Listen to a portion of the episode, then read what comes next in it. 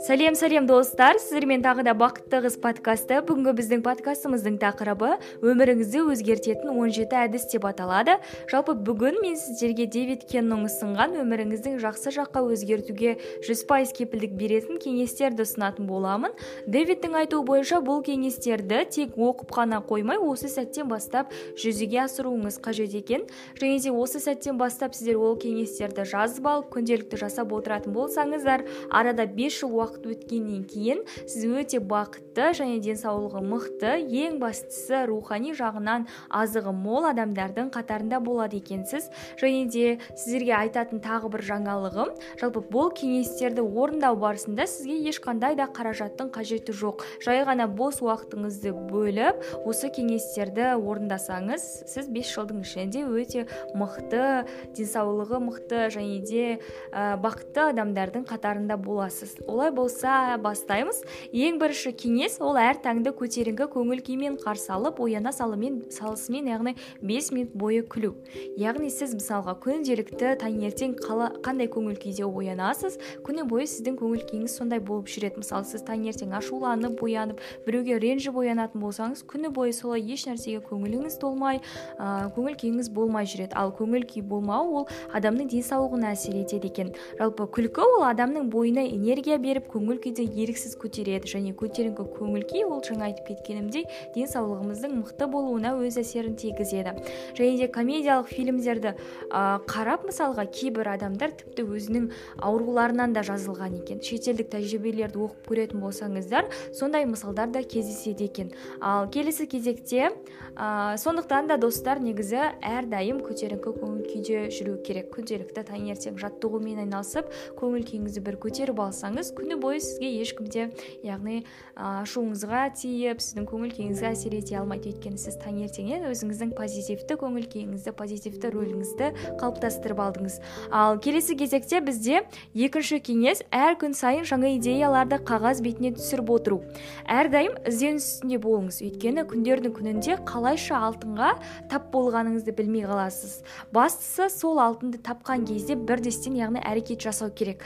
Мысалға мен негізі осы подкастты жазбай жатып оған дейін де неше түрлі армандарды армандап ойлап мақсаттарымды жазып солайша өмір сүретінмін дегенмен бір күні мен осы подкаст жазу деген яғни сондай бір алтынға тап болдым. Содан кейін сол нәрсені блокнотыма жазып қойдым да ары қарай сол нәрсені яғни подкаст жазуды жүзеге асыруға кірістім. Мінекей бір жыл уақыт болыпты мен бір жылдан бері осы подкаст жазуды әлі күнге тастамай келемін. Яғни ол мен үшін алтынға тең.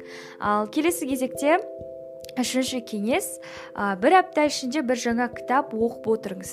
Жалпы кітап негізі біздің ойлау жүйемізді өте қатты дамытады және де үнемі ізденіс үстінде болуымызға әсер етеді. Кез келген кітаптан сіз өзіңіз қалаған дүниені ұғуыңызға ұғынуыңызға болады. Мысалға мен бір діни кітаптарды оқыған кезде діни жағынан білімім қалыптасатын болса ғылыми кітаптарды оқыған кезде ғылыми жағынан менің білімім қалыптасады. Жалпы мені негізі тәрбиелеген ол кітап. Өйткені мен сол кітапты оқу барысында өзіме керек керекті білімдердің барлығын ала аламыз. Сондықтан да сіздерге де жалпы кітап оқуға кеңес беремін. А, оның үстіне жалпы көптеген мысалға кәсіпкерлерді қарайтын болсаңыздар да ғалымдарды қарайтын болсаңыз да олардың өмір жолымен танысқан кезде олардың өте көп кітап оқығандығын көре аласыздар. Және де олардың мықты адам болу үшін сол кітаптың өз әсерін тигізгенін де байқайсыздар. Ал келесі кезекте ол мидың жұмысын жақсартатын ойындар ойнаңыз. Жалпы сөз жұмбақ шешу шахмат ойнау шашка ойнау олардың барлығы да сіздің ойлау жүйеңізді дамытады. Егер де сізде ондай мүмкіндік болмай жатса жай ғана өзіңіздің телефоныңызға яғни бос уақытта ойнайтын сондай шахмат шашка сынды ойындарды тартып алып сонымен ойнасаңыз болады. Ең бастысы сол арқылы сіз өзіңіздің миыңызды дамытуыңыз керек. Ал келесі кезекте бесінші кеңес ол күнделік жазыңыз. Жалпы өткен күндеріңізді жазып отырып яғни сіз бұрын соңды көзге ілмеген дүниелердің барлығын байқап қалуыңыз мүмкін. Мысалға мен 2015 жылдан бастап күнделік жазамын. Және қазіргі таңда мен сол күнделікті оқып көрген кезде менің қаншама бақытты сәттерім бақытты күндерімнің барлығы сол уақытта өтіп кеткендігін байқаймын. Және де қаншама бақытты сәттерді басымнан өткергенімді байқап өзімді ең бақытты адам сезінемін. Жалпы сондай күнделікті сіз жазған кезде мысалы сіз суреттерге қараған кезде өткен күндеріңізді еске аласыз ғой және бақытты сәттеріңізді еске аласыз. Осылайша сіз күнделікке де қараған кезде өзіңіздің сол кезде қандай сезімде болғаныңызды қандай бақытты болғаныңызды барлығын да еске алатын боласыз. Сол себепті мен сізге күнделік жазуға кеңес беремін. Ал келесі кезекте достарыңызды таңдауға мұқият болыңыз.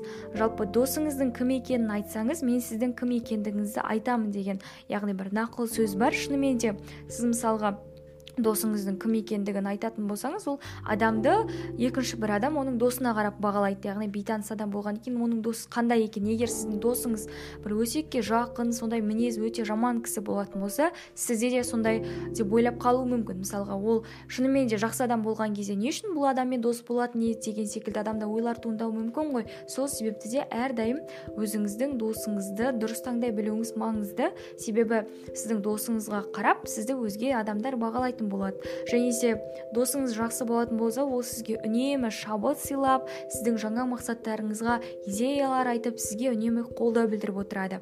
Сондықтан да жалпы уақытты босқа кетірмей қазірден жақсы дос тауып сонымен дұрыс қарым қатынаста болыңыз. Ал егер де сізге қажеті жоқ мүлдем сізді дос деп санамайтын адамдардан аулақ болуға тырысыңыз. Келесі кезекте бұл көркем фильмдерге қарағанда деректі фильмдерді көбірек қарауыңыз керек. Өйткені біз уақытымыздың қаншама қажетсіз дүниелерге шығындаймыз. Ал ол уақытта біз мысалға жаңағыдай керемет бір кино туындыны қарауымызға болады. Шынайы өмірге негізделген. Немесе жалпы көбірек біз кітап оқуымызға болады. Осылайша өзіміздің миымызды дамыта аламыз. Ал егер де сіздер мысалы қандай фильмдерді қарау ә, керектігін білмейтін болсаңыздар онда сіздерге мен келесі подкастымда жалпы шынайылыққа негізделген керемет кинофильмдер жайлы бір подкаст жазатын боламын. Оны жіберіп алмаңыздар. Ал келесі кезекте жалпы сегізінші кеңес ол тісті щеткамен емес жіппен тазалаған дұрыс деген. Яғни бұл негізі жай ғана ә, теңеу ретінде қарастырылған. Жалпы әрбір істің басын шалғанша оны қолға алып нәтиже шығатындай болуыңыз қажет. Мысалы кейбір адамдар бар. Бір нәрсені өте керемет кәсіпті бастап келеді дегенмен оның ә, яғни жартысына келген кезде немесе жартысына келмей енді бастап кәсіпті ашайын деп жатқан кезде жоқ бұл нәрсе менің қолымнан келмейді деп ол нәрседен бас тартып жатады. Мысалға менде де негізі алғаш подкаст жазған кезде алғашында менде яғни барлығын бастадым бірақ та мен бір он шақты подкаст жазғаннан кейін неліктен мен бұл нәрсені жасап жатырмын бұдан бас тартамын деген секілді ойлар туындады. Дегенмен де мен ол нәрсені соңына дейін алып баруым керектігін түсіндім. Және де ә, шыңғысханның сөзі бар ғой яғни бір істі жасадың ба оған ешқашан да өкінбе ал егер де өкіндің бе ол нәрсені бастама деген секілді. Сол секілді бір нәрсені бастадыңыз ба ол нәрседен ешқашан да артқа қарай шегінбеңіз оны соңына дейін алып барыңыз. Одан қандай жақсы нәтиже болсын жаман нәтиже болсын ең бастысы содан нәтиже шығарып үйрену керек. Ал келесі кезекте жалпы тоғызыншы кеңес ә, бұл шет тілдерді меңгеру. Қазіргі таңда ол шет тілдерді меңгеру өмірлік қажеттілік. Мысалға бүгінгі таңда сіз шет тілдерін меңгерген болсаңыз кез келген жерде сұранысқа ие боласыз. Және де ол шет тілдерді меңгеру мидың танымдық қасиеттерін де арттыруға көмектеседі екен. Мысалы сіз ағылшын тілін білетін болсаңыз онда кез келген мекемеге барып жұмысқа орналаса аласыз. Және де басқа шетелден келген қонақтармен сөйлесе аласыз. Осылайша сіздің өзіңіздің яғни ә, танымдық қасиеттеріңіз дамитын болады адамдармен тез тіл табыса алатын боласыз. Ә, сондықтан сондықтан да шет тілін үйрену өте маңызды. Ал келесі кезекте жалпы оныншы кеңес ол салауатты өмір салтын қалыптастыру. Жалпы махаббат пен мансапқа қалай көңіл бөлсеңіз жалпы денсаулығыңызға да дәл сондай көңіл бөлуіңіз керек. Егер де сіз мысалға өзіңіздің денеңізді жақсы көрмейтін болсаңыз оған көңіл бөлмейтін болсаңыз ол сізге ренжитін болады және де сіздің денсаулығыңыз нашарлап кетуі мүмкін. Жалпы сол үшін де денсаулыққа пайдалы тағамдар жеп зиянды әдеттерден арылуыңыз қажет. Мысалға әртүрлі челлендж бар ғой. Бір отыз күн бойы тәттіден бас тарту керек. Тағы да басқа деген секілді. Негізі кез келген ауру ол астың дұрыс болмауынан басталады екен. Кез келген нәрсе ол астың сіз дұрыс тамақтанбасаңыз дұрыс ә, мез, яғни әртүрлі зиянды чипси кола сынды зиянды заттармен тамақтанатын болсаңыз онда сізде түрлі аурулар пайда болуы мүмкін. Олардың барлығының сол себепшісі осы біздің дұрыс тамақтанбауымыз. Сол себепті де әрдайым дұрыс тамақтануға көңіл бөліңіз бөліңіз әрқашанда денсаулығыңызға көңіл бөліңіз. Ал содан кейін барып яғни түрлі жаттығулармен айналыссаңыз күнделікті таңертең жүгірумен спортпен айналыссаңыз онда сіздің денсаулығыңыз өте мықты болады. Ал келесі кезекте жалпы он бірінші бұл қорқыныш дегенді ұмытыңыз. Өйткені ә, қорқыныш бұл әлсіздіктердің яғни әлсіздіктің белгісі. Егер сіз әлсіз болсаңыз онда сіз үнемі қорқынышқа бой алдыратын боласыз. Жалпы мен алдыңғы подкасттарымда да айтқан болатын қорқыныш ол біздің тек миымыздағы ғана шектеулер. Яғни біз ол нәрселердің барлығын алып тастауымыз керек. Негізі қорқыныш деген нәрсе жоқ бірақ біз ол нәрсені өзіміз жасап аламыз. Мысалға айтады ғой қорыққанға қос көрінеді деп. Яғни біз қараңғыда болсақ сондай бір нәрседен қорқып жатсақ біз қорыққан сайын ол нәрсе бізге өте қорқынышты болып көрінеді. Ал егер де біз ол нәрседен қорықпайтын болсақ онда ешқандай қорқыныш сезімін бастан өткермейміз және де біз өзіміздің мықты екендігімізді көрсете аламыз. Жалпы үрей мен қорқыныш ол әр адамның бойында бар. Алайда оның себебі әркімде түрліше болуы мүмкін. Мысалға кейбіреулер әлсіздіктен арылу үшін ішімдік ішіп сондай әртүрлі бір жағдаяттарға түсуі мүмкін. Ал кейбіреулер бар депрессияға түсіп жаңағыдай үйде отырып қалып өзінің қорқынышын жеңе алмай жатады. Дегенмен де ол қорқыныш сізді ешқашан да ә, биікке шығармайды. Үнемі сізді төмен қарай тартып тұратын болады. Яғни сізге мысалға үйде отырып жаңағы ішімдікке салынатын болсаңыз одан бетер яғни ішімдікке салынып өмір бойы сондай ә, маскүнем адамға айналып қалуыңыз мүмкін. Сол себепті де әрқашанда өзіңіздің қорқынышыңызды жеңіп алға қарай ұмтылыңыз қорқыныштардың барлығынан арылуға тырысыңыз.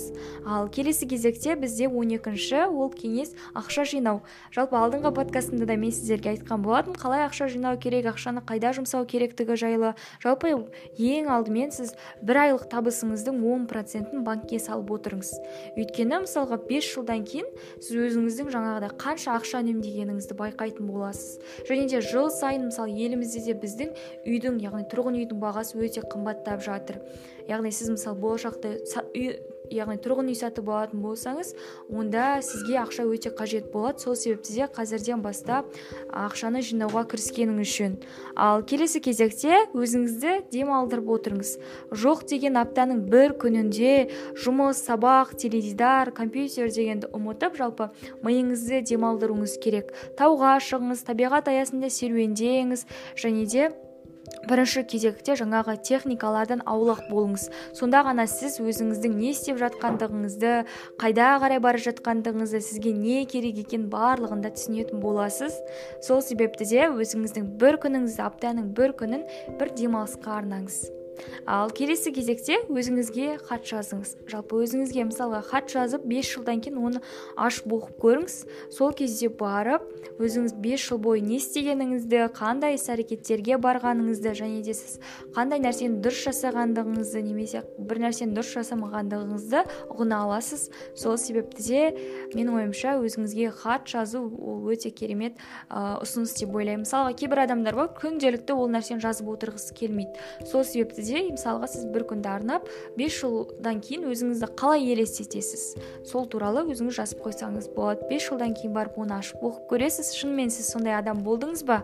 Немесе ондай жетістікке жете алмадыңыз ба? Сол кезде барып байқайтын боласыз. Ал келесі кезекте үнсіздік алтынмен бірдей. Яғни бір минут бойы үнсіз отырып көріңізші. Осы сәттен бастап ең бірінші нені ойладыңыз? Қандай эмоцияда болдыңыз?